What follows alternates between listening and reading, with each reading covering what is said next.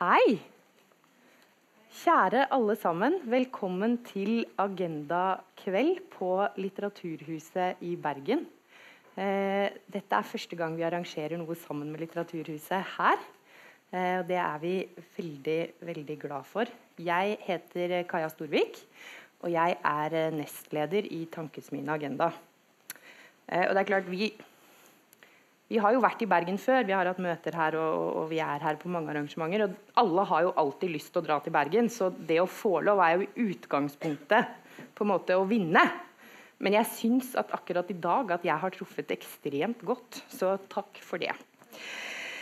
Tankesmien Agenda vi jobber for en mer kunnskapsbasert debatt vi er partipolitisk uavhengig, men vi jobber for sentrum-venstre. For vi tror at de beste løsningene på framtidas utfordringer ligger der. Vi eh, jobber i skjæringspunktet mellom forskning og politikk veldig mye. Eh, og vi prøver å jobbe langsiktig. Og jobbe med politiske spørsmål som ikke nødvendigvis har så mye å si for flytvelgerne i sentrum ved neste valg, men som har mye å si for samfunnet vårt om fem år, om ti år, om 20 år.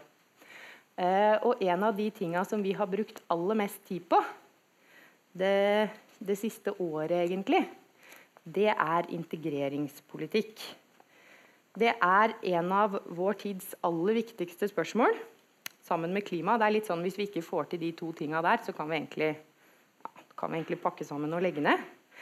Eh, og spørsmålet er hva er det vi må få til da? Vi lanserte nettopp et notat om, eh, en, om en ny integreringspolitikk for Norge.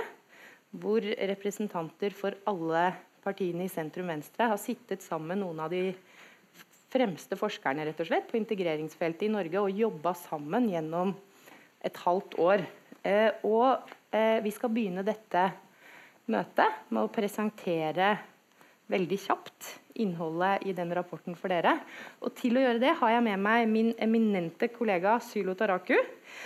Han er tidligere generalsekretær i Likestillings-, integrerings- og mangfoldsdirektorat-nettverket. Unnskyld. LIM. Det er sånn de organisasjonene i Norge har så mange fine navn.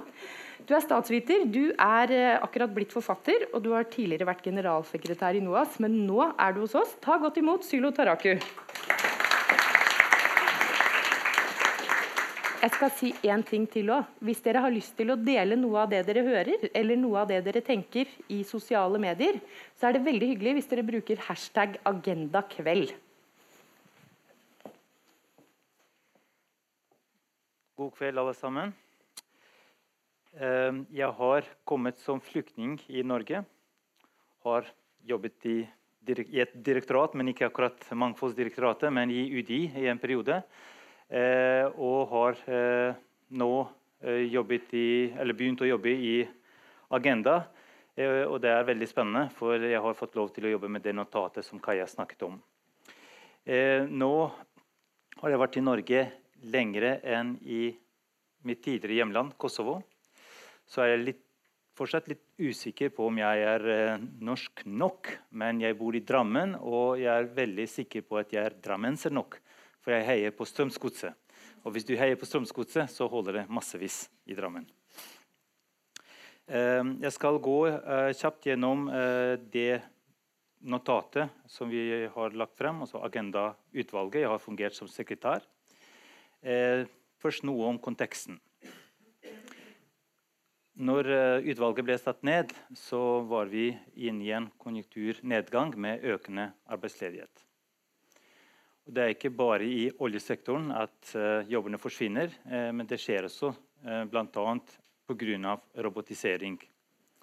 Og det at vi får, en, får, mer teknologi og mer produktivitet, er jo positivt, men baksiden av medaljen er at mange faller utenfor. Det er stadig færre jobber for lavkvalifiserte. Samtidig med det så har vi hatt en rekordhøy tilstrømning av asylsøkere. Dvs. Si folk med lav eller ingen utdannelse. Noen har høy utdannelse, men mange har ikke det. Eh, og når vi får også Hvis integreringen har gått litt tregt før, så, vil, så kan det gå tregere når, når, vi får en tredobling av ankomster. For asylprosessen ble plutselig tregere. Det tar lengre tid å registrere asylsøkere, lengre tid å intervjue, fatte vedtak, bosette dem i kommuner osv. Så, videre. så det var bakgrunnen for hvorfor man tenkte at eh, man trenger å tenke nytt rundt integreringen. Og Den andre trenden er at Norge forandrer seg.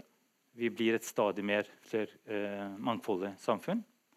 Eh, og utvalget ønsket både å svare på de utfordringene med tanke på den konteksten jeg beskrev, men også å svare på den utfordringen i et mer langsiktig perspektiv. Eh, her er en kort oversikt over de ti budene. Jeg skal ikke gå gjennom eh, alle, eh, men som dere ser, så, så handler det om både om integrering av flyktninger og om de hovedtiltakene kvalifisering, arbeid og skole. Men også, det er også viet stor oppmerksomhet til spørsmål om verdier og samhold. Man kan si at integreringen har to hoveddimensjoner. Den ene er den sosioøkonomiske integreringen. Så hvordan få innvandrere eh, raskest mulig i arbeid. At man blir bidragsyter eh, og ikke passiv mottaker. Det er det viktigste. Og det andre er det som har med samhold og tillit og hvordan leve sammen med økte kulturelle forskjeller. Så Notatet fokuserer på begge disse to dimensjonene og man kan si at eh, I integreringspolitikken så har det tradisjonelt vært nesten fokus bare på det ene, språk og arbeid. Mens i den siste tiden, med, med spenninger og med mer islamdebatt osv., og, så videre, og, og parallellsamfunn og, og, den type debatter, så, så, har vi fått økt fokus på verdiintegreringen også fra politisk hold. Eh, dette er en syrisk flyktning i Tyrkia. Hun uh, har begynt å jobbe med ITP-produksjon der. Som kjent så har Tyrkia en stor uh, tekstilindustri. Og I samarbeid mellom FNs høykommissær for flyktninger og uh, tyrkiske myndigheter så har man klart å sysselsette en del syriske kvinner i TV-produksjon. Det går ganske greit, for man trenger ikke å lære så mye tyrkisk. Man trenger ikke å ha utdanning. Og hvis man ikke kunne jobbe med teppe før, så lærer man det veldig fort. Spørsmålet er om vi kan uh, finne den type jobber for flyktninger i Norge. Vi importerer jo tepper fra Tyrkia, for det er veldig dyrt å produsere tepper her. Uh, her er det mye vanskeligere for den kvinnen å finne seg jobb. For det er uh, større krav til, altså fra arbeidsmarkedet. Man må kunne norsk, og så må man ha noen fagbrev og sånt. Eh, utvalget har diskutert to eh, hovedstrategier eh, for å integrere flyktninger. Det ene er å skape arbeidsplasser for lavkvalifiserte. Og, og, det andre er kompetansesporet. Også løfte flyktninger, få dem Skaffe dem opplæring, kompetanse, slik at de kan jobbe. Første, eh, den første strategien innebærer at man må senke lønningene for å gjøre de lavkvalifiserte attraktive for arbeidsgivere. Ehm, det har man drøftet og konkludert med at det ikke er veien å gå. Det undergraver velferdsmodellen vår. Det skaper store lønnsforskjeller. Da må man også, For å gjøre jobben attraktiv, for å styrke arbeidslinjen, så må man også kutte i velferdsordningene. Eh, og resultatet kan bli mer fattigdom og større sosiale forskjeller. Og Tilgangen til lavkvalifisert arbeidskraft vil også gjøre at bedrifter ikke satser på teknologi og produktivitet. Eh, løsningen er å satse og investere i de flyktningene, slik at de blir i stand til å møte kravene i arbeidsmarkedet. Det har man også gjort tidligere, men uh, utvalget har sett behov for å gjøre noen nye grep. Asylprosessen tar veldig lang tid. Eh, og det er viktig å unngå passifisering og klientifisering i asylprosessen. Når folk er ute av arbeidslivet i lang tid, så viser også forskning at terskelen for å komme inn blir vanskeligere. Så de som ikke har klart å komme inn i arbeidslivet i løpet av de tre-fire første årene, det er stor sannsynlighet at de er utenfor også etter ti år. Så, øh, så da, da, handler det om å legge forholdene bedre til rette for språkopplæring og at flere får lov til å jobbe. Jeg selv øh, begynte å jobbe som asylsøker veldig tidlig, og det var veldig bra for min integrering. Så jeg ble veldig glad når utvalget også konkluderte med at flere bør få lov til å jobbe. Eh, når det gjelder kvalifiseringstiltakene, så er det mulig å gjøre dem bedre. Eh, det å differensiere litt bedre. De som er nærmest arbeidslivet, bør ikke settes på kurs og bruke år på, på den type kurs, men komme seg fortest mulig i arbeid. Og helst få en del av opplæringen innenfor arbeidslivet, ikke utenfor. Eh, og så er Det tredje er å styrke sosial kapital, dvs. Si eh, å hindre boligsegregering. For Forskning viser også at hvor du bor, har stor betydning for hvordan det går. Eh, for vi må også tenke på neste generasjon av barna. Jeg skal bare slutte med de tre punktene når det gjelder verdiintegreringen. Utvalget sier at Norge, det norske samfunnet er et, først og fremst et verdifellesskap. Eh, og mener at staten bør ha større fokus på det som er felles, istedenfor å dyrke forskjellene. Så her har man et slags brudd med den multikulturalistiske tilnærmingen som legger vekt på grupperettigheter. Her setter man individet i sentrum. Det skal være like krav, like rettigheter like muligheter for alle. Eh, og man ønsker å bli tydeligere i formidling av verdier. Og bruke skolen som vår viktigste integreringsarenaen.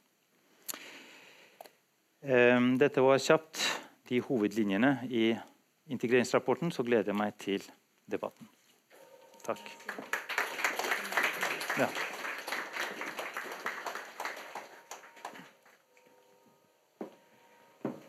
I tillegg til Sylo så er vi så heldige i kveld å ha med oss byråd Erlend Horn fra Venstre, som har ansvar eh, for eh, sosial bolig og inkludering her i Bergen. Ta godt imot han, vær så god. Jeg skal ha deg her. Sylo, du kan sette deg ytterst. og I tillegg så har vi med oss Nuray Ylderim Gullestad, som er skribent og jobber som regionalkoordinator i Mangfolds- og inkluderingsdirektoratet her i Bergen. Eh, du har blitt kåra til en av topp ti rollemodeller for både innvandrere og nordmenn. Men det er viktig å presisere at når du er her i dag, så snakker du på vegne av deg sjøl, og ikke på vegne av deg jobben din. Ta godt imot Nuray. Vær så god.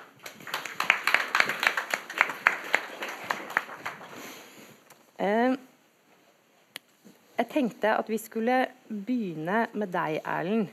Eh, dette med rask og spredt bosetting av flyktninger. Hvordan jobber du for det i Bergen? Mm. Jeg vil jo først uh, si at uh, Bergen har over mange år vært ganske god til å komme uh, for flyktninger når vi først får de til Bergen via staten, får de raskt inn i introduksjonsprogram.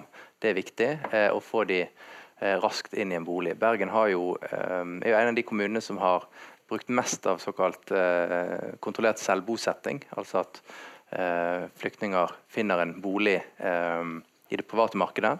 Eh, gjerne i dialog med, med, våre folk og sørge for at alt, de ikke blir lurt. eller noe sånt, Men vi ligger, har vel de siste årene ligget på rundt 60% av de flyktningene vi bosetter, blir bosatt i det private boligmarkedet. Men det har vært viktig for oss, og er viktig fremover, ikke minst, at når vi får flyktninger til Bergen, at de kommer raskt i gang på introduksjonsprogrammet så raskt som mulig. Utfordringen har jo vært eh, og det har jo sikkert vært en utfordring mye lenger enn jeg har, har eh, vært på, har oversikt over dette feltet. Det er jo å få de eh, fra mottak til kommunene, og den, den perioden der. Eh, og ikke minst nå det siste året, egentlig, der vi har vært i en paradoksale situasjonen at Vi har noe som heter Bergen bidrar, som er et, egentlig et telefonnummer og en e-post og, og, mennesker som du kan kontakte hvis du har lyst til å bidra med noe når det gjelder flyktningsituasjonen, spesielt hvis du har en bolig.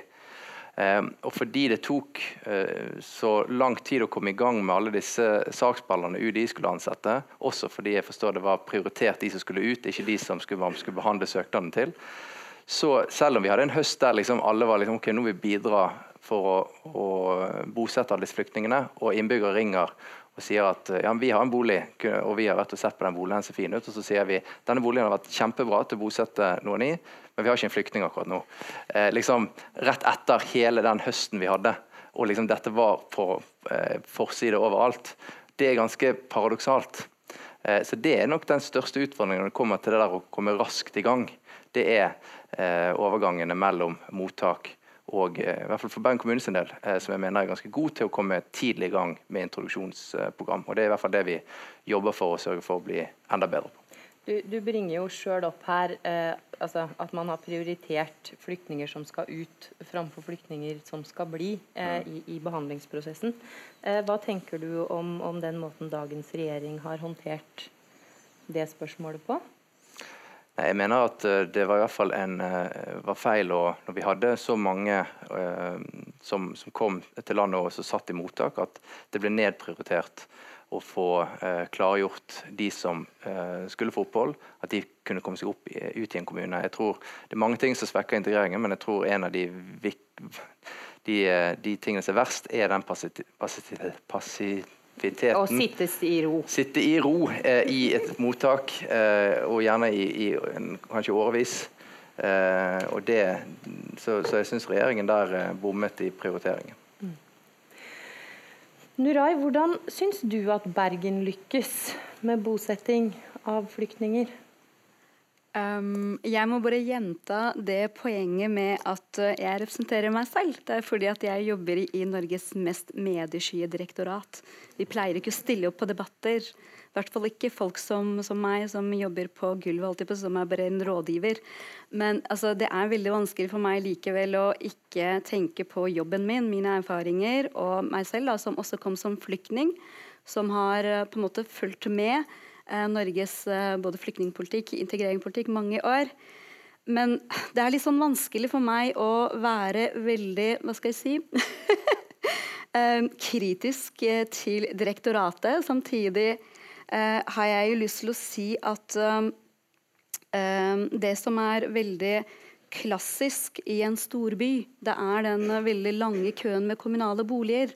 Som store byer gjør veldig store vedtak. Det er utrolig Det har vært en enorm vilje til å ta imot flere flyktninger.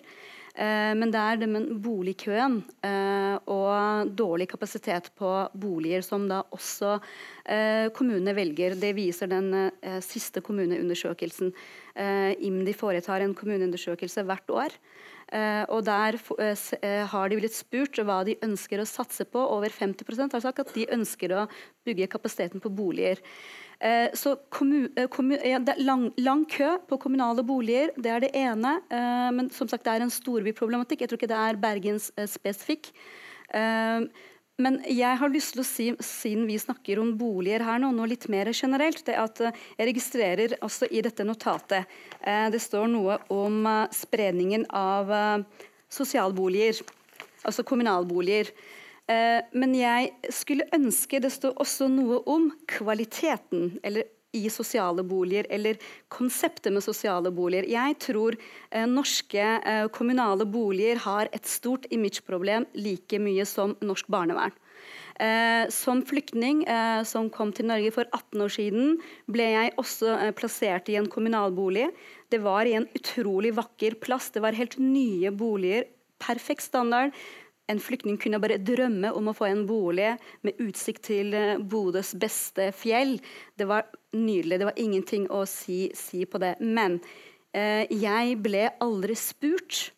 Jeg ble aldri tatt med i diskusjonen, og jeg ble ikke engang informert hvor jeg skulle bo etter hvert, når jeg oppdaget at min nærmeste nabo var en tung narkoman, som faktisk var fysisk deformert også, som da altså, jeg ikke visste noen ting om. Og, og, Da ble jeg ganske sjokkert, og jeg ble veldig redd.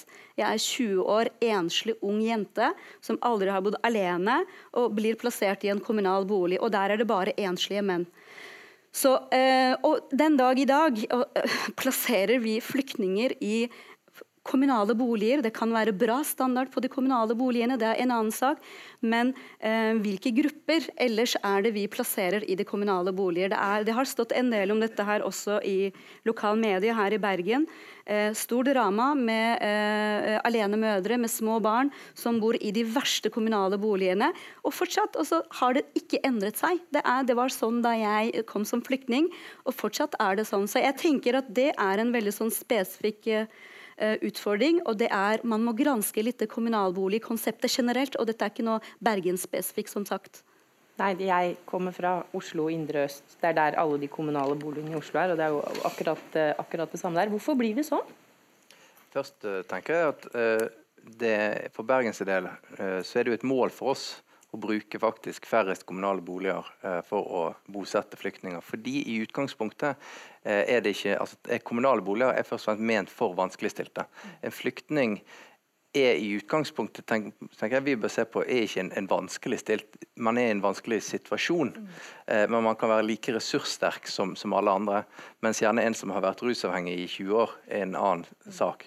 Så vi ønsker å bruke mest mulig, eh, legge til rette for at man kan skaffe seg en bolig eh, med, med, det offentliges hjelp, men ikke i en kommunal bolig. Men så er det klart så er det jo av og til at vi er nødt til å ty til kommunale boliger. Eh, men de siste i hvert fall fire årene så har Bergen ligget på rundt 60 eh, privat bosetting. Og det er i hvert fall betraktelig mer enn veldig mange andre kommuner. Og det må vi bare fortsette å gjøre, tenker jeg. Absolutt. Sylo? Jeg syns Bergen er et godt eksempel her. Og når du snakker om overgangen fra mottak til Eh, bosetting, eh, som er, eh, er, en utfordring, så har vi tenkt at integreringen bør starte tidligere likevel. Og for i, i, dag er det slik at integreringen starter når de blir bosatt i en kommune. det er da man, man satser på integreringen. når vi har hatt en situasjon med at de fleste, eller flertallet, har fått opphold, så bør man tenke å investere i integreringen langt tidligere. Eh, og da kan det å bo desentralisert på desentraliserte mottak, dvs. Si at man bor i vanlige boliger istedenfor institusjonspregede asylmottak, i langt større grad betyr at over, den overgangen blir mindre dramatisk enn det blir når man blir, uh, overføres fra et mottak til en bolig. Uh, for da blir det slik at de som bor desentralisert, at man tenker litt strategisk eh, og bosetter dem helst der de er, der de har klart å skape nettverk, eh, og sekundært eh, i, i, nærheten.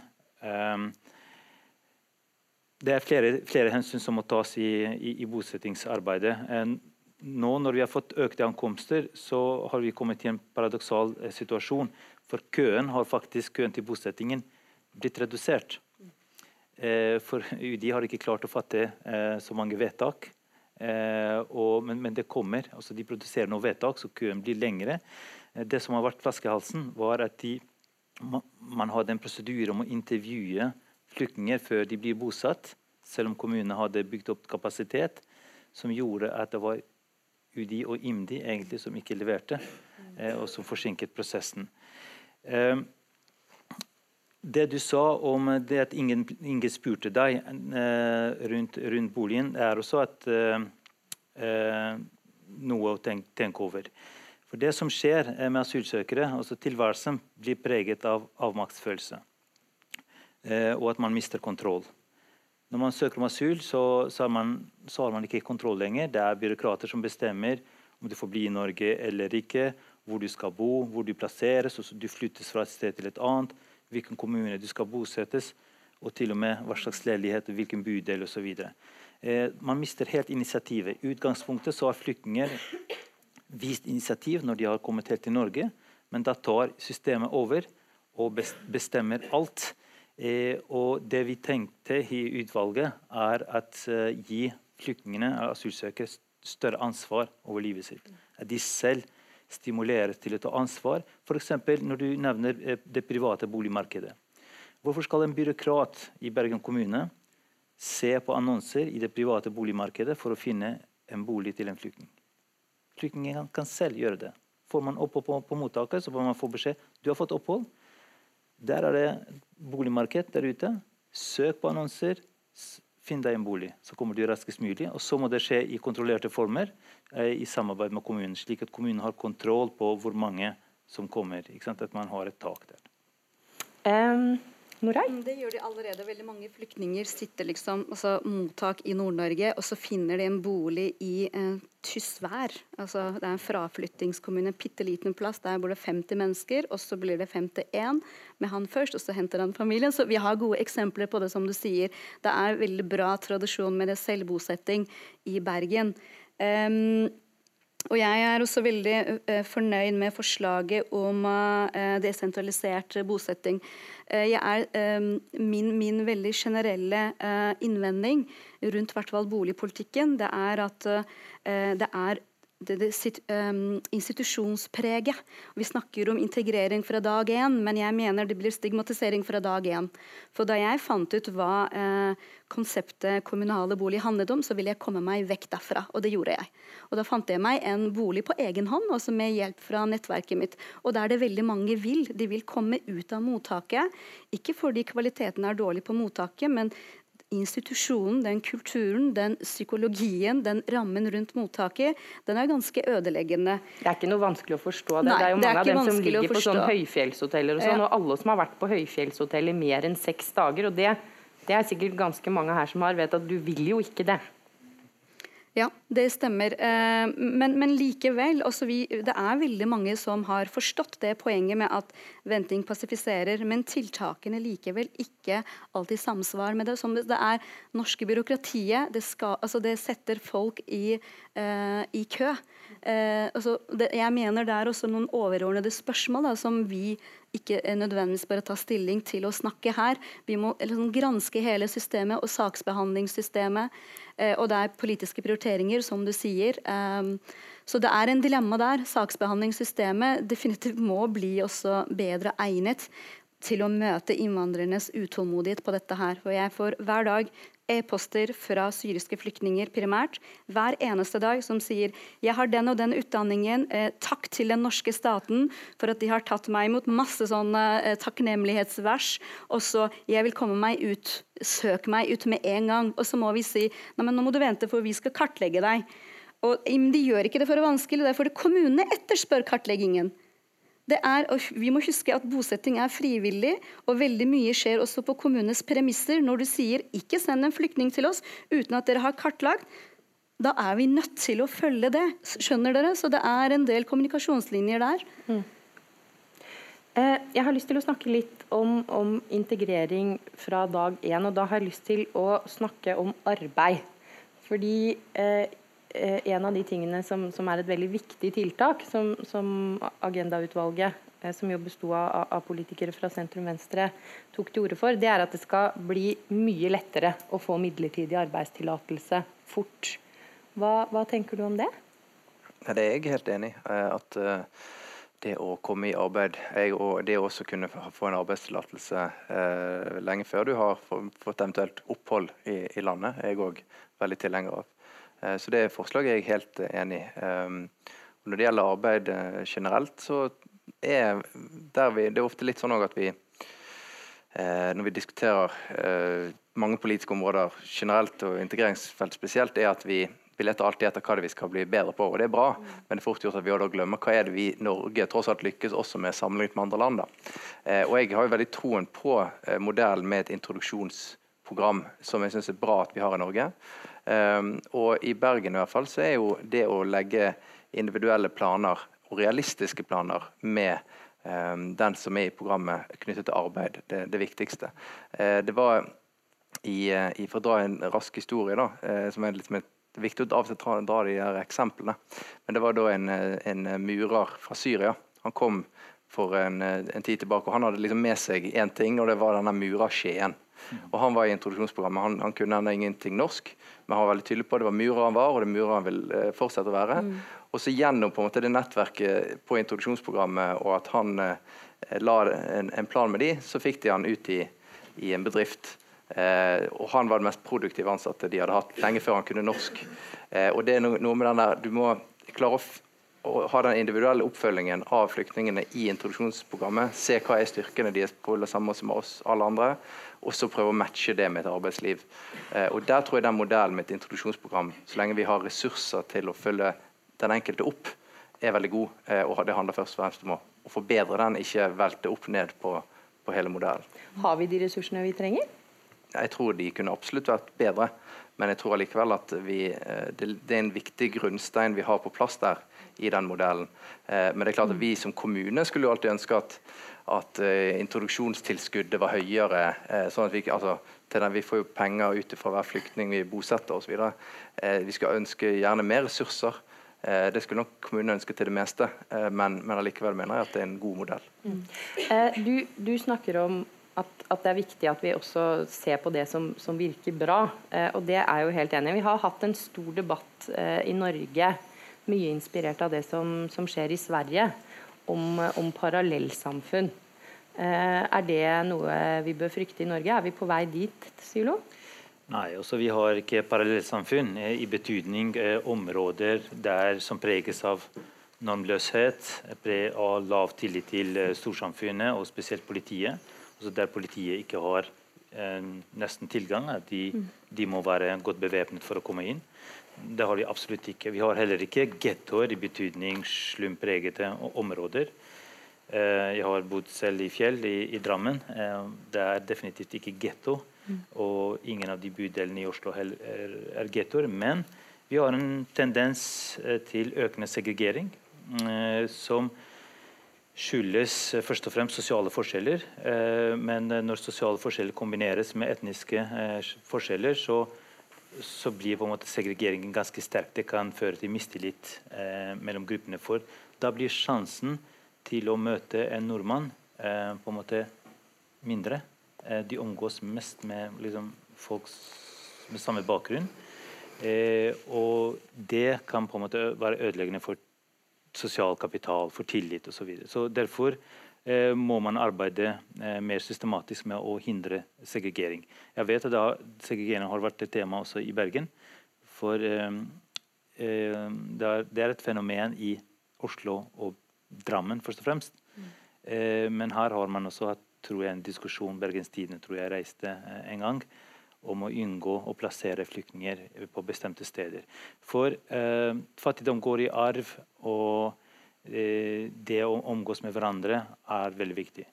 Eh, så vi er ikke på vei. Eh, vi er ikke i nærheten av måte, svenske tilstander. Eh, men vi må være føre var og jobbe systematisk for å, for å forhindre det. Mm. Det med segregerte bomiljøer, eh, opplever du at dere har det i Bergen? Altså, ja og nei, på et vis. Altså, eh, ja, eh, vi eh, har lev, altså, områder av byen med, med, dårligere levekår, der det er mye kommunale boliger. Som har med en, en, en, historisk politikk over veldig mange tiår som har ført til Ta, ta Løvstakk-siden, f.eks., der jeg bodde selv i åtte år. Der det er veldig mange kommunale boliger. og der når man da bosetter og bruker kommunalboliger, så er det ofte det. Og så er det jo at flyktninger de har nettverk og de bosetter gjerne i nærheten av folk de kjenner. og Det kan igjen føre til at enkelte områder kan få eh, veldig eh, mye eh, av én eh, gruppe. Så det må være var på å prøve å både fortynne når det gjelder altså spre de kommunale boligene rundt omkring i byen, men også å, å prøve å, å legge til rette for at det kan bli en spredt bosetning gjennom, gjennom hele byen. Og så er det også viktig at vi har eh, vi har jo det som heter områdesatsing, som man også har i, i, i eh, Groruddalen. Eh, og Det har vi i Bergen i tre områder i dag. Indre Laksevåg, Solheim nord, som er da Løvstakken, og Ytre Arna. Eh, og det å ha på en måte en egen innsats mot levekostutsatte områder, både for å bedre de fysiske, strukturene der, men også for å eh, styrke eh, de sosioøkonomiske dimensjonene. Det er der vi er mye bedre enn Sverige. Mm. områdesatsing. At vi, de bydelene med innvandrerflertall er trivelige bydeler. og den, en stor forskjell er at mange flere innvandrere i Norge eier sin egen bolig enn det Eh, trang bohet er et problem i, i, Sverige også.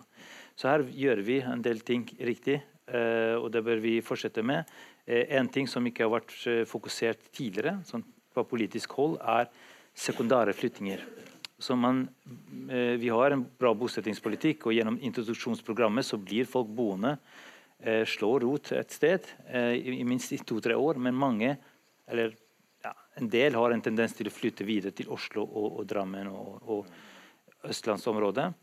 Det er jo bra hvis det fører til at man finner jobb, men det er ikke bra hvis man bare kommer og blir sosialklient der og, og, skaper eller forsterker segregeringen.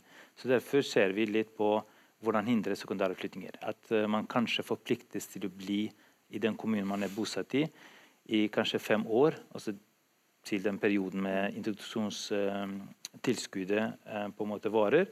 Med mindre man har funnet seg jobb eller ordinær utdanning. En av grunnene til at vi ikke har svenske tilstander, er at vi har uh, veldig kontrollert og spredt bosetting. Uh, vi sprer flyktningene i hele Norge. Uh, Utsira får flyktninger. og Det er viktig å huske på.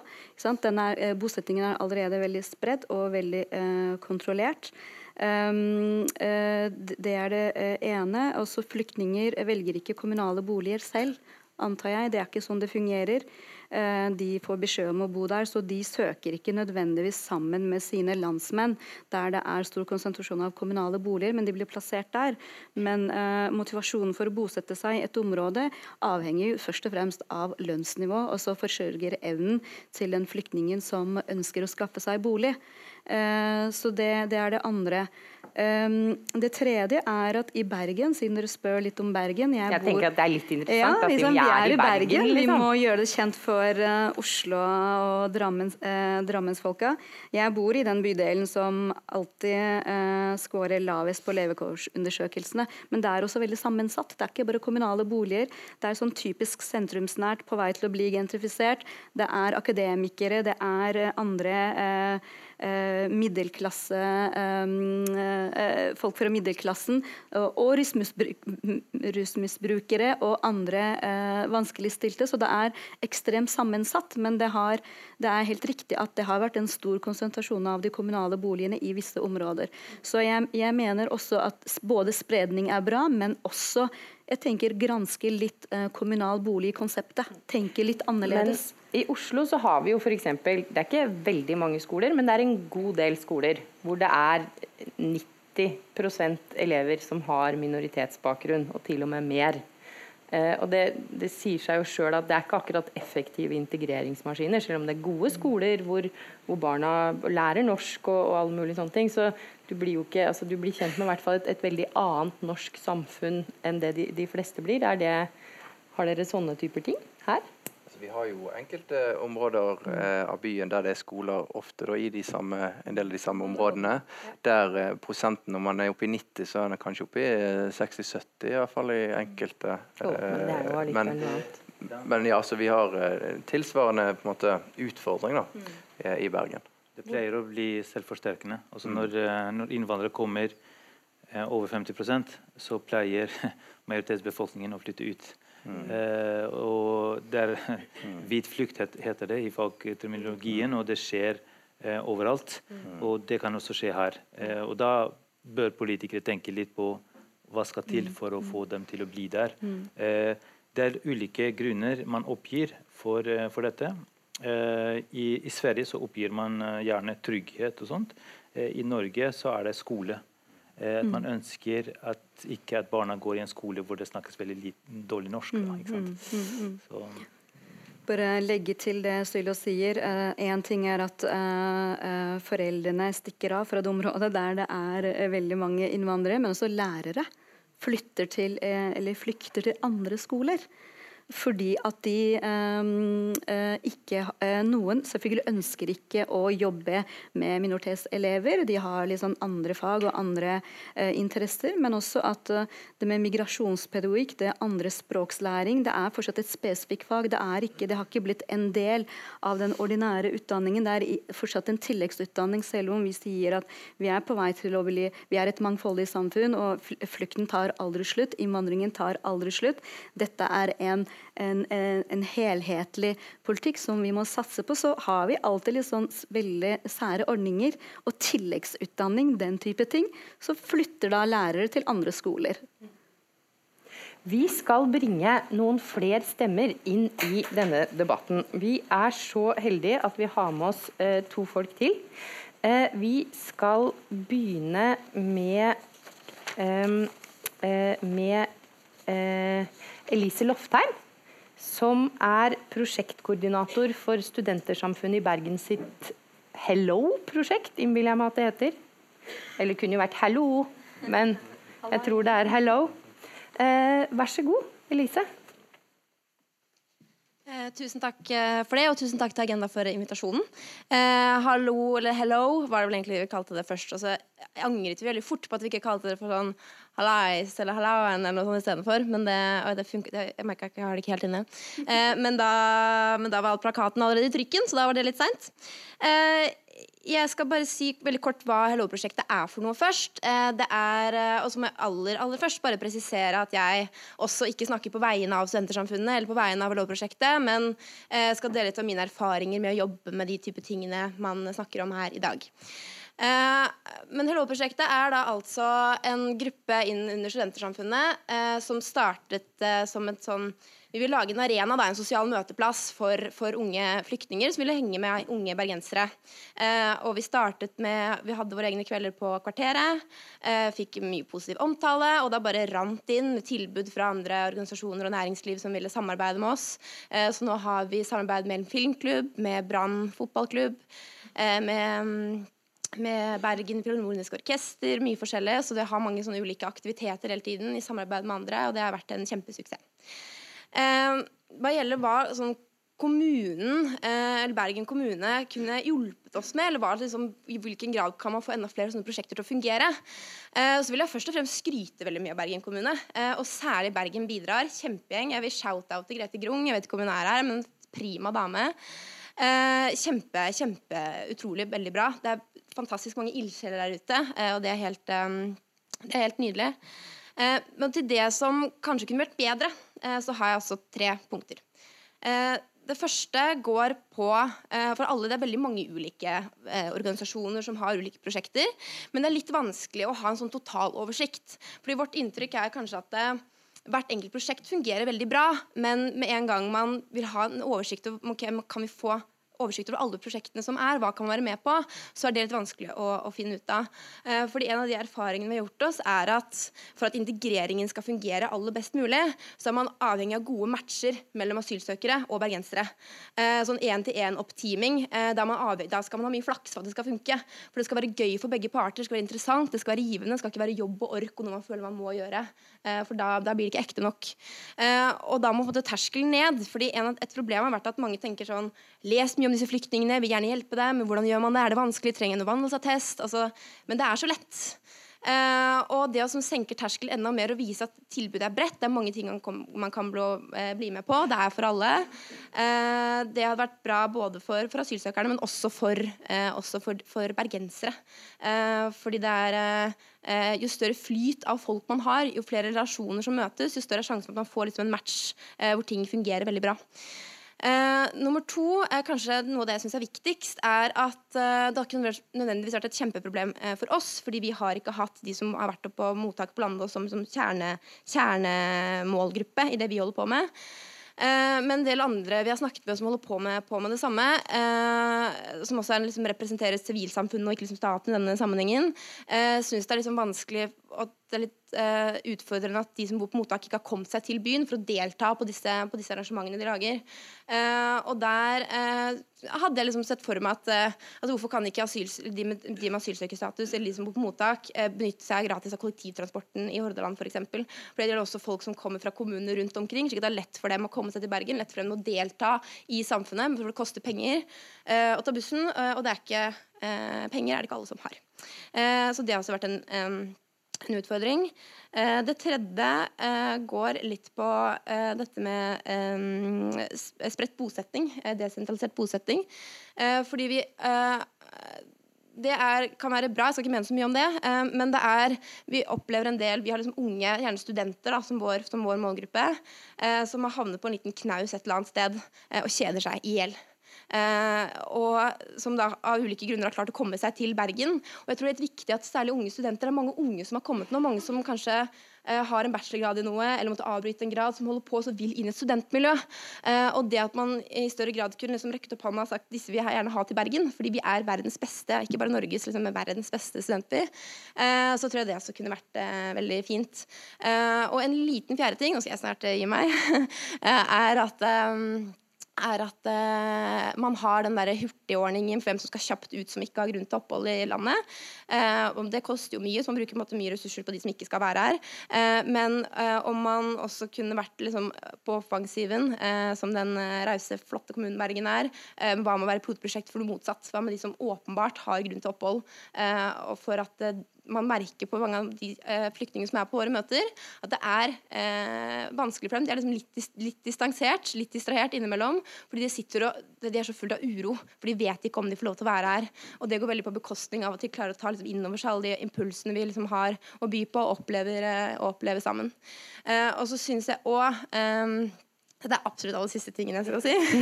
ja, nå må vi slutte, selv om det her var jo veldig bra, da. Jeg må si det. Kjør på. det er at eh, når, når, denne hele denne særlig største strømmen kom, eh, var det mye polarisering ute og mye, mye som eh, jeg skulle ønske landet vårt var for gode for. Men eh, fy søren, det fikk virkelig fram det vakreste i mennesker også. Den viljen, og jeg kjenner gåsehuden kommer, men den viljen, til å, den viljen til å ville hjelpe. Hvis jeg liksom har slengt ut et Instagram-bilde av en venninne som trenger et sted å bo for når får oppholdstillatelse og trenger hjelp til selvbosetting, det bare, det bare renner inn med henvendelser. Eh, også folk som har trengt praksisplass som en del av introduksjonsprogrammet, har, har folk bare eh, kommet på banen og kontaktet og liksom ordna de tingene der i gang. Eh, så det, jeg blir skikkelig stolt av å være bergenser når jeg, når jeg jobbet med det prosjektet her. Så det er veldig, veldig bra. Men da er det også noen oppfordringer. Ting som kan bli enda bedre. Takk. Tusen, tusen takk.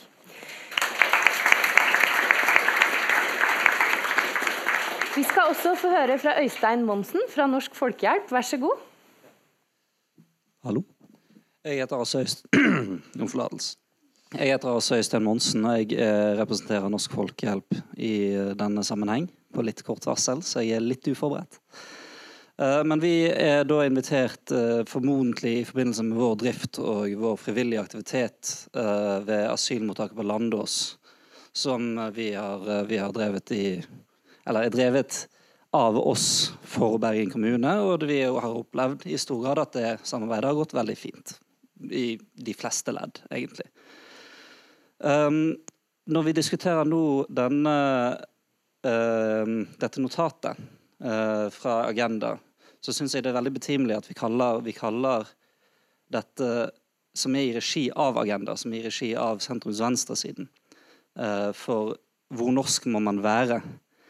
Uh, for skjønt Norsk Folkehjelp i ganske stor grad er fornøyd med de praktiske poengene som kommer frem i notatet, altså f.eks. at arbeidslinjen styrkes osv., er vi litt mer reservert til definisjonen av Norge som et verdifellesskap.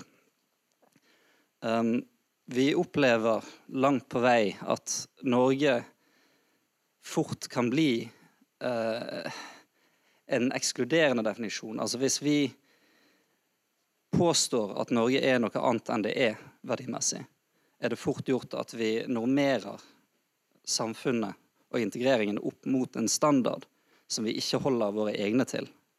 Altså at den integrerende praksis gir rom for en assimilerende praksis. Eh, så vi er litt vi, vi, har våre forbehold her. og Vi er i det store og det hele positive, men vi har våre forbehold. Og det er egentlig min utfordring i denne sammenheng, er da denne problematikken at skal vi velge å fokusere på en form for sosialpatriotisme her, og med det fravike det som da er fagbevegelsen og dermed Norsk Folkehjelp sin tradisjon for internasjonalisme og, og eh, en mer, en mer grunnleggende solidaritetslinje. Det, Deri ligger stort, et stort og potensielt ødeleggende problem, mener vi, for den norske modell og for den norske velferdsstat som sådan. Tusen, tusen takk.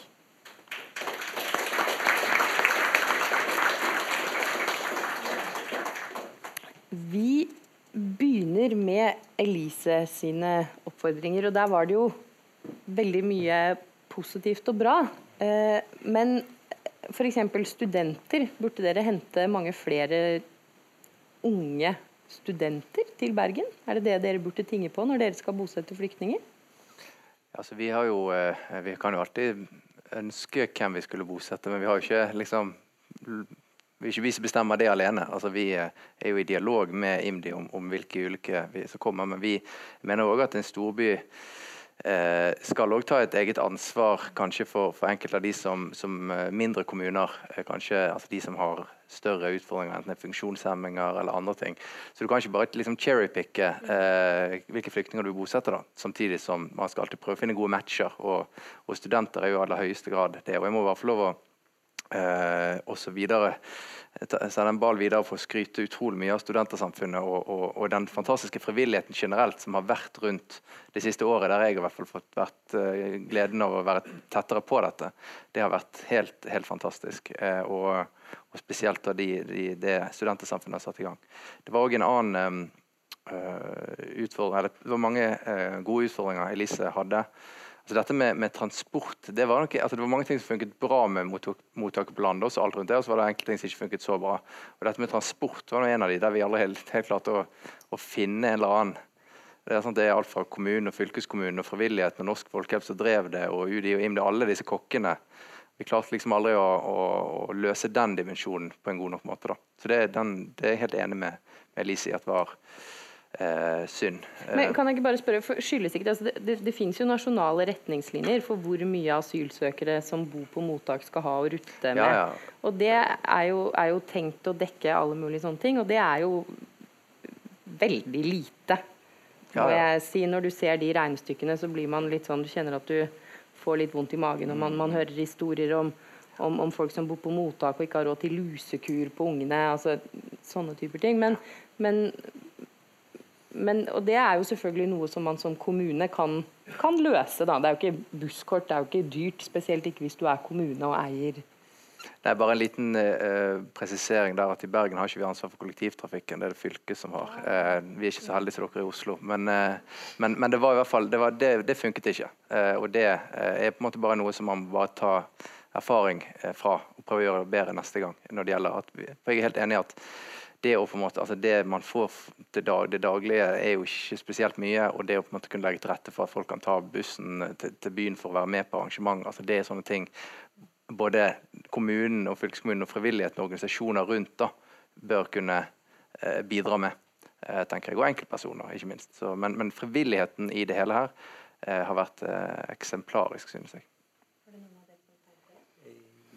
Kan eh, slutte meg til det når, når du snakker om frivilligheten. Eh, det er veldig inspirerende å høre eh, den type eh, engasjement eh, fra det sivile samfunnet. Eh, jeg har kommet til Norge som krigsflyktning fra Balkan og husker å bli godt tatt imot i Sandnessjøen i Nordland. Så det har hatt stor, stor betydning for, for meg. så jeg har blitt utsatt for mye godhetstyranni eh, i Sandnessjøen, eh, og har satt veldig, veldig stor pris på det. Eh, fordi en ting er å bli godt tatt imot av staten, men alfa og omega er at du kommer i kontakt med vanlige folk, og at du føler deg på en måte velkommen. for det gjør noe med, med, tillitsforholdet. Derfor er vi veldig opptatt av å styrke de frivilliges rolle i integreringsarbeidet. Og Norsk Folkehjelp sa at de drev et mottak, eh, og det er jo også veldig bra. Men det som har skjedd de siste årene, er at stadig færre kommuner og frivillige organisasjoner driver mottak. Eh, nå eh, har de private ca. 90% av andelen, markedsandelen i mottaksdrift. Det mener vi er uheldig, og det ønsker vi å reversere, eller Agendautvalget foreslår det. Eh, og, gi på en måte frivillige organisasjoner og kommuner større rolle i, dette. Eh, bare eh, en liten ting til. Så tenk hvis man må begynne et nytt liv i Kina, f.eks. Vi, vi tilhører middelklassen, som de fleste av oss har. Selv med høy utdannelse og med all den erfaringen man har her, så vil det være veldig vanskelig når man ikke kan noen ord kinesisk, når man ikke forstår eh, på en måte eh, alfabetet eller noen ting, man ikke har nettverk. Hva gjør man når man flytter til Kina? Jo, man oppsøker nordmenn. Fordi man ønsker å bli orientert, man føler seg tryggere og snakker med noen nordmenn der.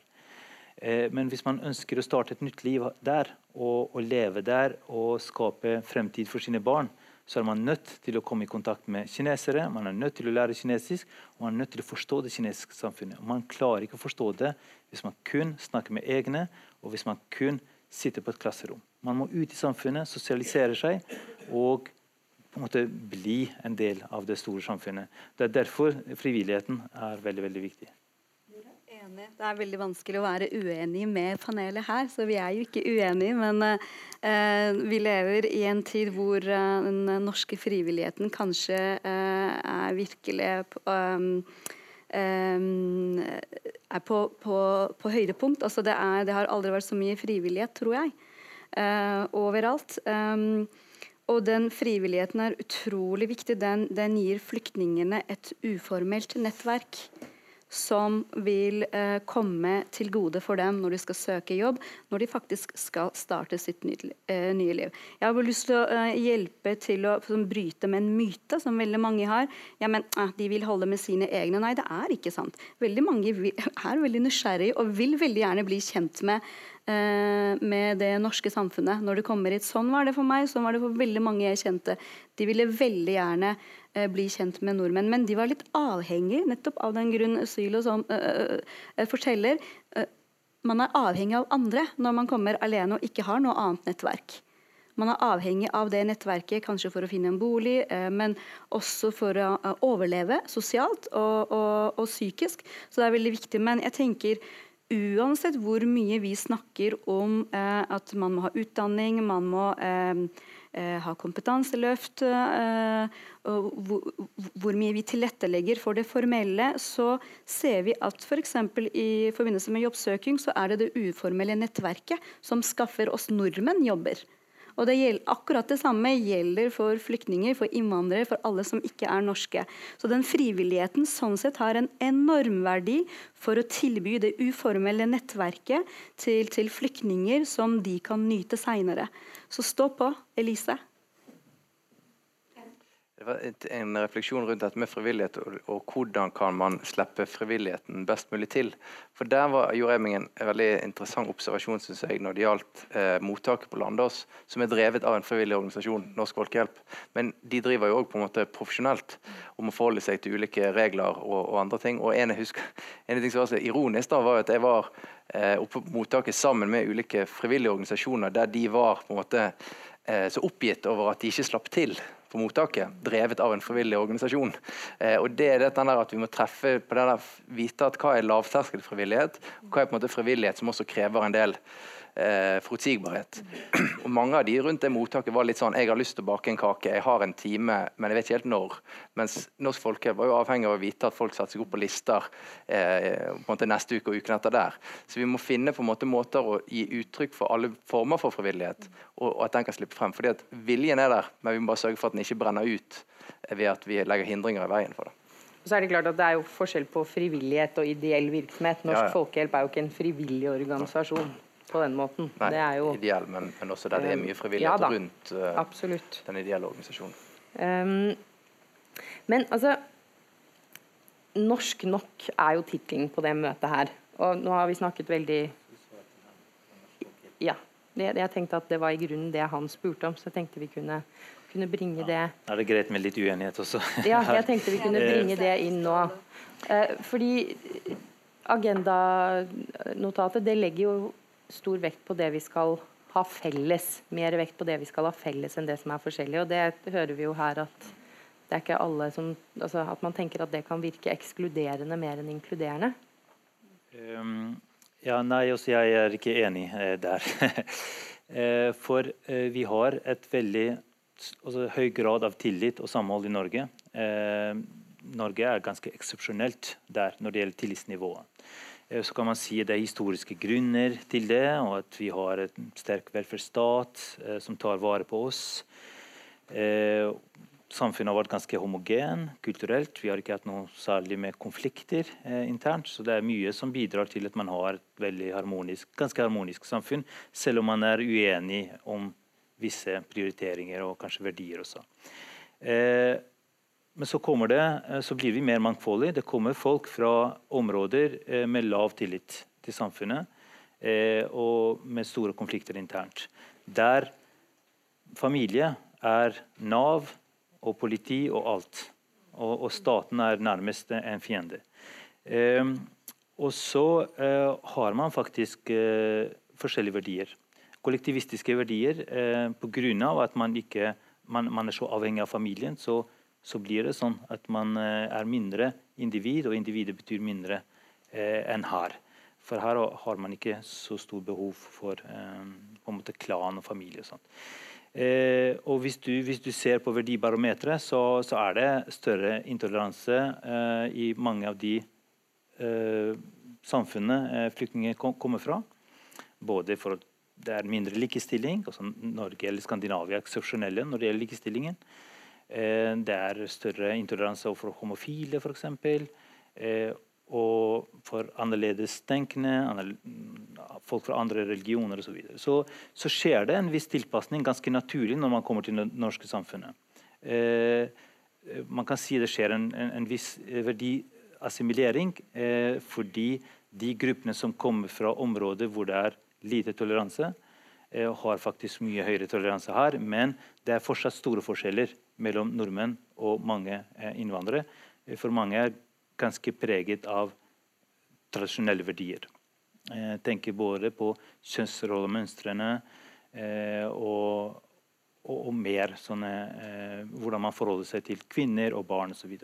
Derfor um, bør det Og, og disse forskjellene så er spørsmålet hvor hvor forskjellig, eh, altså hvor forskjellig bør vi være, og hva, hva bør være likt. Eh, toleranse for forskjeller er en viktig verdi, som også er eh, nevnt i, i, rapporten blant de viktigste verdiene. Eh, men så er spørsmålet skal man tolerere forskjeller også når det går på bekostning av individet. Der har vi et spenningsforhold. Eh, for individene blir rammet hvis vi, hvis vi skal ha toleranse for stor toleranse for forskjeller. Eh, så, så, Politikkens oppgave her, statens oppgave er å sikre at alle individer eh, kan leve frie liv, kan bryte ut av miljøer, kan skifte religion og kan leve likestilte liv. Derfor bør staten og, og skolen f.eks. Skolen er ikke et nøytralt eh, arena. Det, det, skolen skal ikke si at alle, alle verdier er lik, like osv.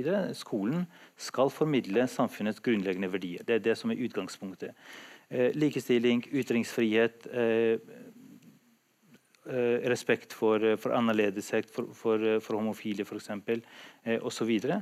Eh, for det er mange krefter der ute som er opptatt av å dyrke forskjeller. Eh, og da bør statens oppgave å dyrke det som er felles, det som bør være felles. Jeg tenker at det ikke er bare statens oppgave. Eh, det er også individets oppgave i den sammenhengen. For som sagt, vi må også Jeg har sett en formulering Um, uh, hvor det står at vi må stille krav til flyktningenes egen innsats. Jeg syns det var en rar formulering, men det står på regjeringen.no. Uh, stille krav. Å oh ja, ok, men når folk faktisk har en egen innsats, en motivasjon, hvorfor ikke bruke det? Hvordan kan man stille krav til egen motivasjon? Enten har man en motivasjon eller ikke, for å bli en del av dette samfunnet, uh, tenker jeg. men når veldig mange har faktisk eh, den motivasjonen til å bli kjent, til å bli en del av det samfunnet og til å skaffe seg et bedre liv, og det er derfor man flykter. Det er, viktig å huske den største motivasjonen for flukten, eh, for et bedre liv, eh, en bedre stat for veldig mange av oss som da har kommet fra jeg kommer fra en stat som fungerte, selv om den var undertrykkende. Så den motivasjonen er også der. Vi må også være med å dyrke uh, forsterke uh, flyktningenes egen motivasjon og innsats til å bli en del av samfunnet. Så jeg tenker Hvis det er bare staten som skal sørge for det, så det høres, ikke, det høres ikke veldig attraktivt ut at det er staten sin oppgave og, og, og, sørge for at individet blir en del av samfunnet. Det er, det er, det vi gjennom vår kommunikasjon, med dialog med de nye innbyggerne vi, vi, har et ansvar, du har et ansvar, jeg og du, alle vi har et ansvar. Så det er den vi må dyrke. Så Det høres litt skummelt ut når, når, du sier at det er staten som bare må sørge, men det er flere som må sørge for det. Og Det er viktig at vi sørger for den tilliten. Vi opprettholder den tilliten, den harmonien vi har i det norske samfunnet. Erlend?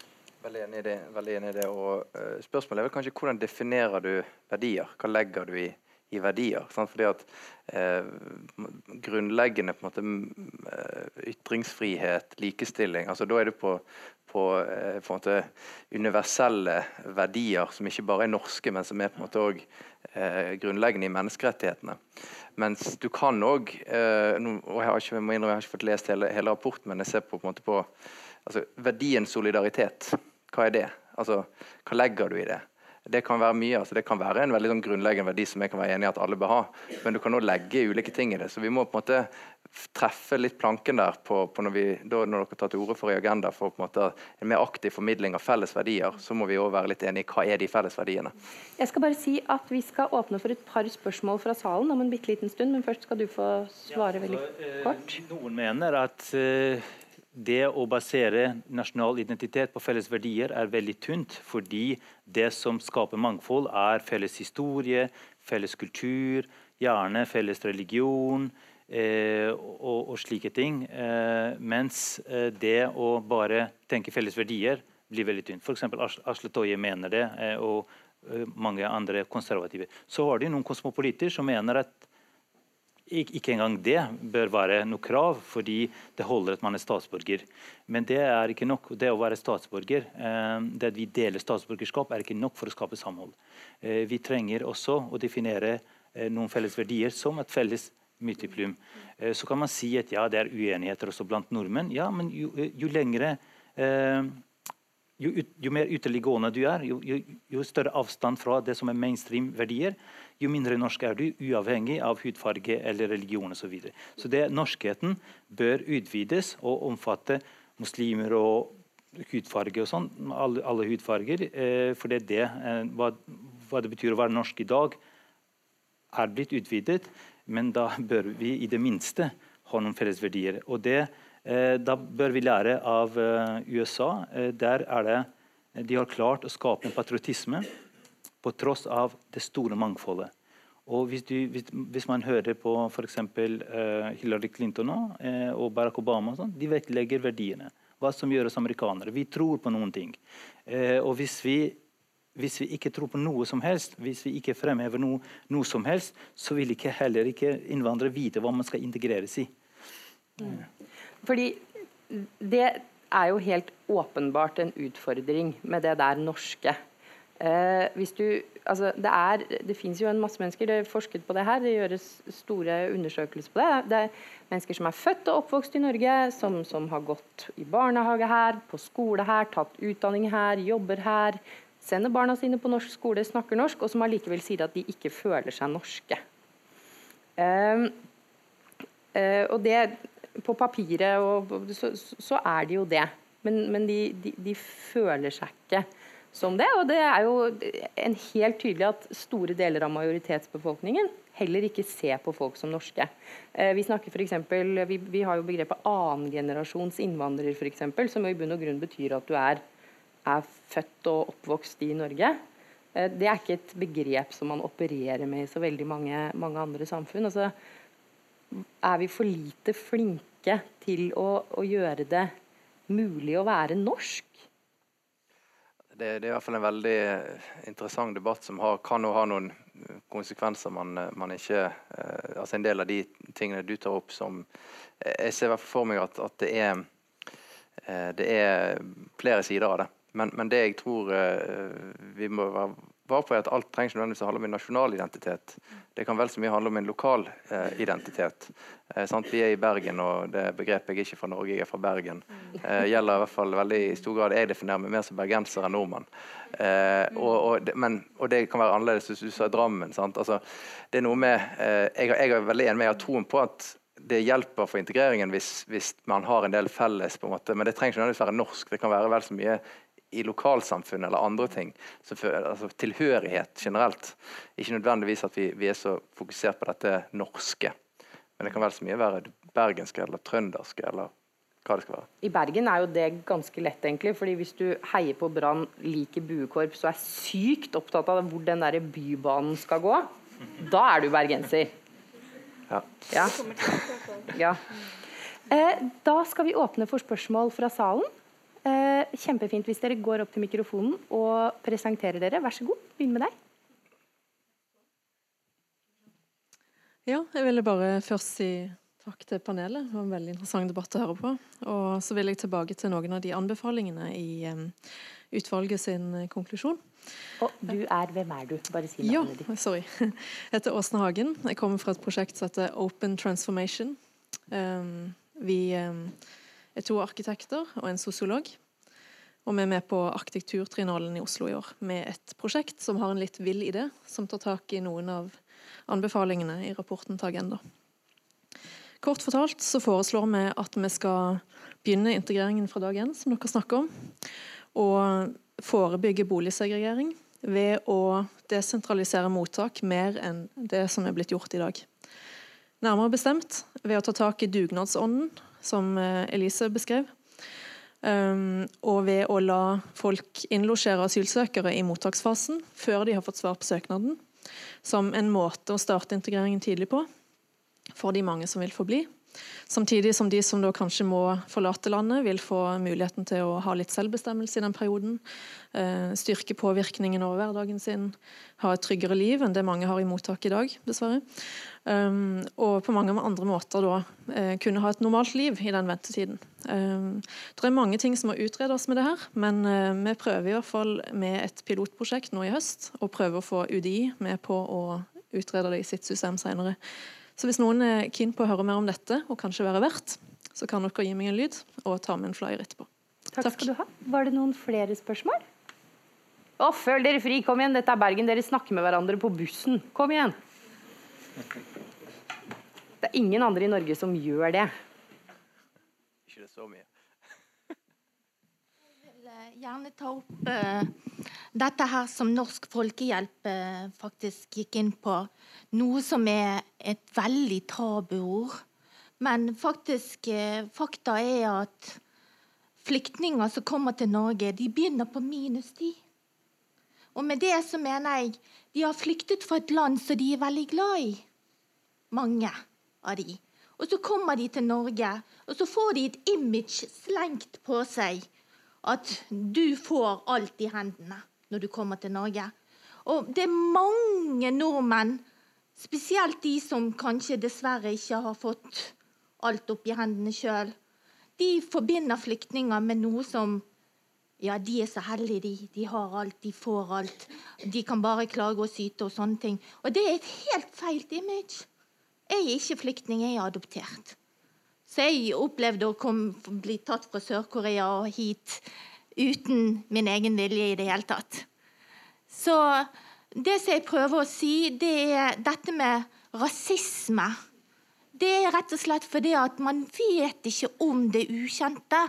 Så la for å si sånn, En nordmann, norsk familie som kommer til Kina, de blir ikke kinesere. De forblir norske, og de blir enda mer norske i Kina. Så, men godta det, godta det, omfavn det. Altså mangfoldet. Gud skapte mangfoldet. Jeg kan bare si jeg studerer PTL, dvs. Si teoretisk eh, teologi, praktisk teologi og ledelse ved NLA. Og Gud skapte mangfoldet. Og la det omfavne. Og Norge har blitt mer og mer og mer rasistisk. Takk. Rett og slett. Så jeg støtter veldig han. Takk. Da åpner vi for ett spørsmål til før vi skal avrunde med svar fra panelet. Vær så god. Eh, ja, jeg heter eh, Grete Melby, og jeg jobber på en skole. Og det er mye snakk om skole. Eller skole blir snakka om som integreringsarena, og så er alle enige om at skolen kan være et, en integreringsarena, og så fortsetter vi. Eh, jeg tror det er ganske viktig å forstå at skole ikke er en nøytral arena, sånn som Sylo sier. Eh, men mange vet ikke nok om skole. Eh, vi har den generelle delen av læreplanen. In, in, vi har faglæreplanen med kompetansemål, men vi har også den generelle delen av læreplanen som kommer med en del verdier som skolen skal stå for, som er humanisme, mangfold osv. Og, så og demokrati, som vi er nødt til å på en måte eh, formidle. Og som gjør at eh, som lærer så er du egentlig pålagt å ha en del verdistandpunkt som du skal ha. Eh, så det er det ene. Eh, I, eh, I, generell debatt så det ofte, virker det ofte som om folk ikke veit det i, sånn, i offentligheten. De tror liksom at bare skole ja, det er gærne lærere som har sine egne sadistiske prosjekt. på en måte. Um, så er det en ting til, og det er at alle disse tiltakene som man tenker seg skal foregå i skole, det koster penger.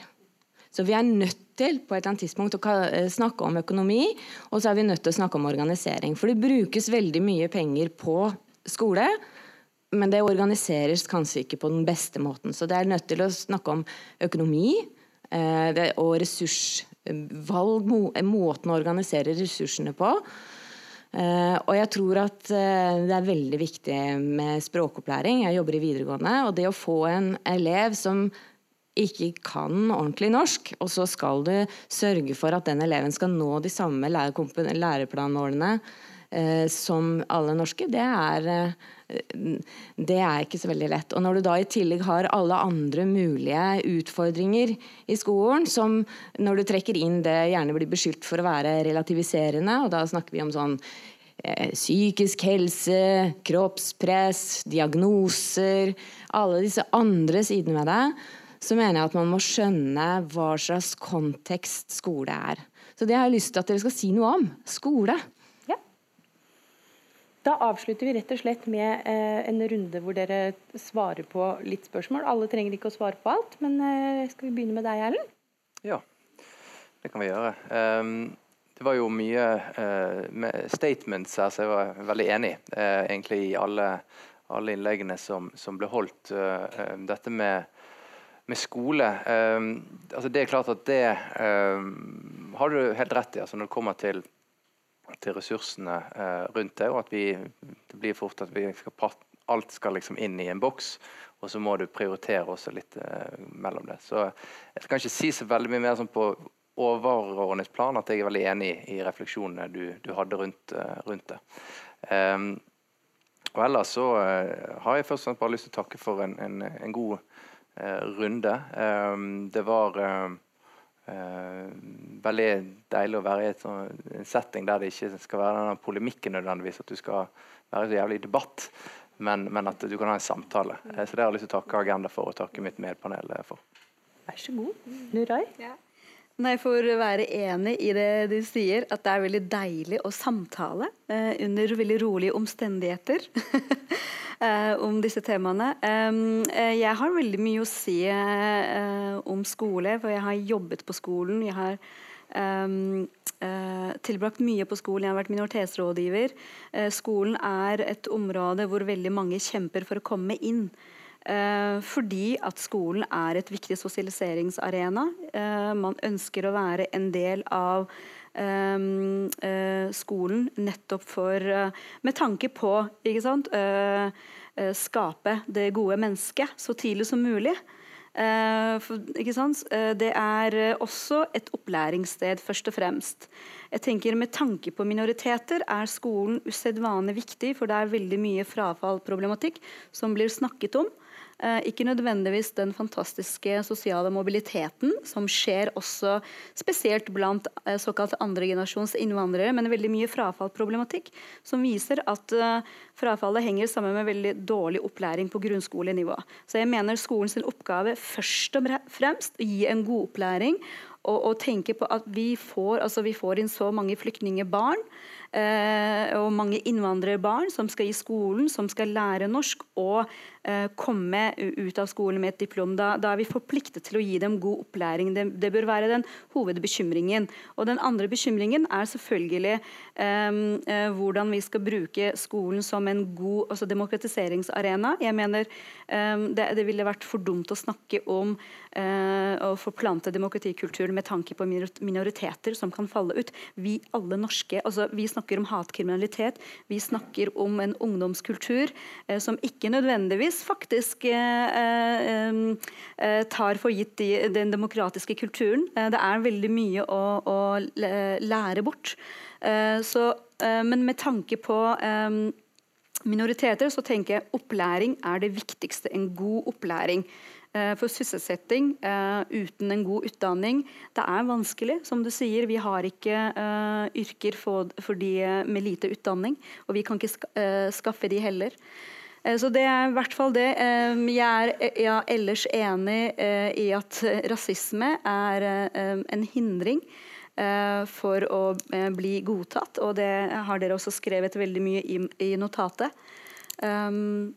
Jeg tror kanskje jeg eh, sier bare også takk for eh, en god samtale. Så kan vi snakke mer i en annen sammenheng. Takk skal du ha, Nura. Da får du æren av å avslutte foran dette flotte bergenspublikummet, Sylo. Takk for det. Jeg slutter meg til det som ble sagt om skolen. Skolen har mange viktige funksjoner. Både å skape sosial mobilitet og eh, lære eh, i demokrati. Eh, man eh, forebygger også utenforskap og kriminalitet gjennom opplæring eh, og, og mye annet. Eh, det er litt forskjellige tilnærminger når det gjelder eh, sånne spenninger, verdispenninger i skolen. Noen lærere er ganske konfliktskye, andre tar tak i intoleranse, antisemittisme, rasisme, den type ting. Og og det er på en måte en slags forvirring på hvordan man skal forholde seg til en del konflikter. F.eks. kjønnssegregering og sånne ting. Og eh, Utvalget har ment at man trenger noen sterkere signaler og føringer til skolen. At det som er felles, eh, de felles verdiene, det å hindre segregering, kjønnssegregering, den type ting, må vi være tydelige på. Um, sånn gjør vi det i Norge. Eh, og så må vi på en måte nøytralisere de kreftene som prøver å, ska, å, å, bruke skolen som en arena for å skape splittelse, for å infiltrere, for å radikalisere osv. Så, eh, så det er nye utfordringer som vi må, må ta tak i. Eh, bare et svar til det, det du sa om, eh, om toleranse og, og, rasisme og sånt. Eh, Norge har heldigvis ikke blitt mer rasistisk. så Der er jeg litt uenig med deg. Hvis vi ser på målingene, holdningsundersøkelsene, så har nordmenn blitt mer tolerante. Eh, så Det at det har kommet flere innvandrere, har faktisk ikke ført til mer skepsis, men snarere tvert imot. Noe annet er holdningene til innvandring, altså hvor mange innvandrere vi skal slippe inn. Eh, må, eh, måte, man må skille mellom det og det hvor man, hvordan man forholder seg til mangfoldet. Eh, nordmenn setter pris på mangfoldet, og de setter pris på, på at innvandrere bidrar til å berike det norske samfunnet. Eh, men når innvandrere kommer til Norge, så, så kommer de ikke med, som et blankt ark. Eh, de, de, har med seg en bagasje, eh, også en kulturell bagasje. De har med seg tradisjoner, holdninger, verdier. Men også Norge som samfunn er ikke ferdigskrevet ark. At man må forandre seg fra dag én for å leve her. man også er med på å forandre samfunnet, med å påvirke samfunnet. Så er spørsmålet hvordan denne prosessen skal fungere Eh, best mulig og mest mulig smertefritt. Eh, for, det, for forandring kan være smertefulle. Både de personene som må forandre seg, som er i en situasjon med forandring, kan oppleve det som truende for sin identitet og kan også lukke seg. Men også Norge som samfunn, eller vestlig samfunn, som forandres, kan også man ser kan oppleve dette som veldig veldig krevende. Det er derfor vi har disse debattene. Eh, og da eh, bør vi, eh, bør vi på en måte jobbe for det jeg skriver i boken min, 'Innvandringsrealisme'. Eh, jeg kaller det verdipatriotisme. At vi styrker noe som er felles. Og så prøver vi å nøytralisere de som prøver å skape splittelser. Så uh, med det avslutter jeg og takker for en veldig god samtale. Da skal jeg få si tusen takk til vårt fantastiske panel. Tusen takk til dere som var og hørte på.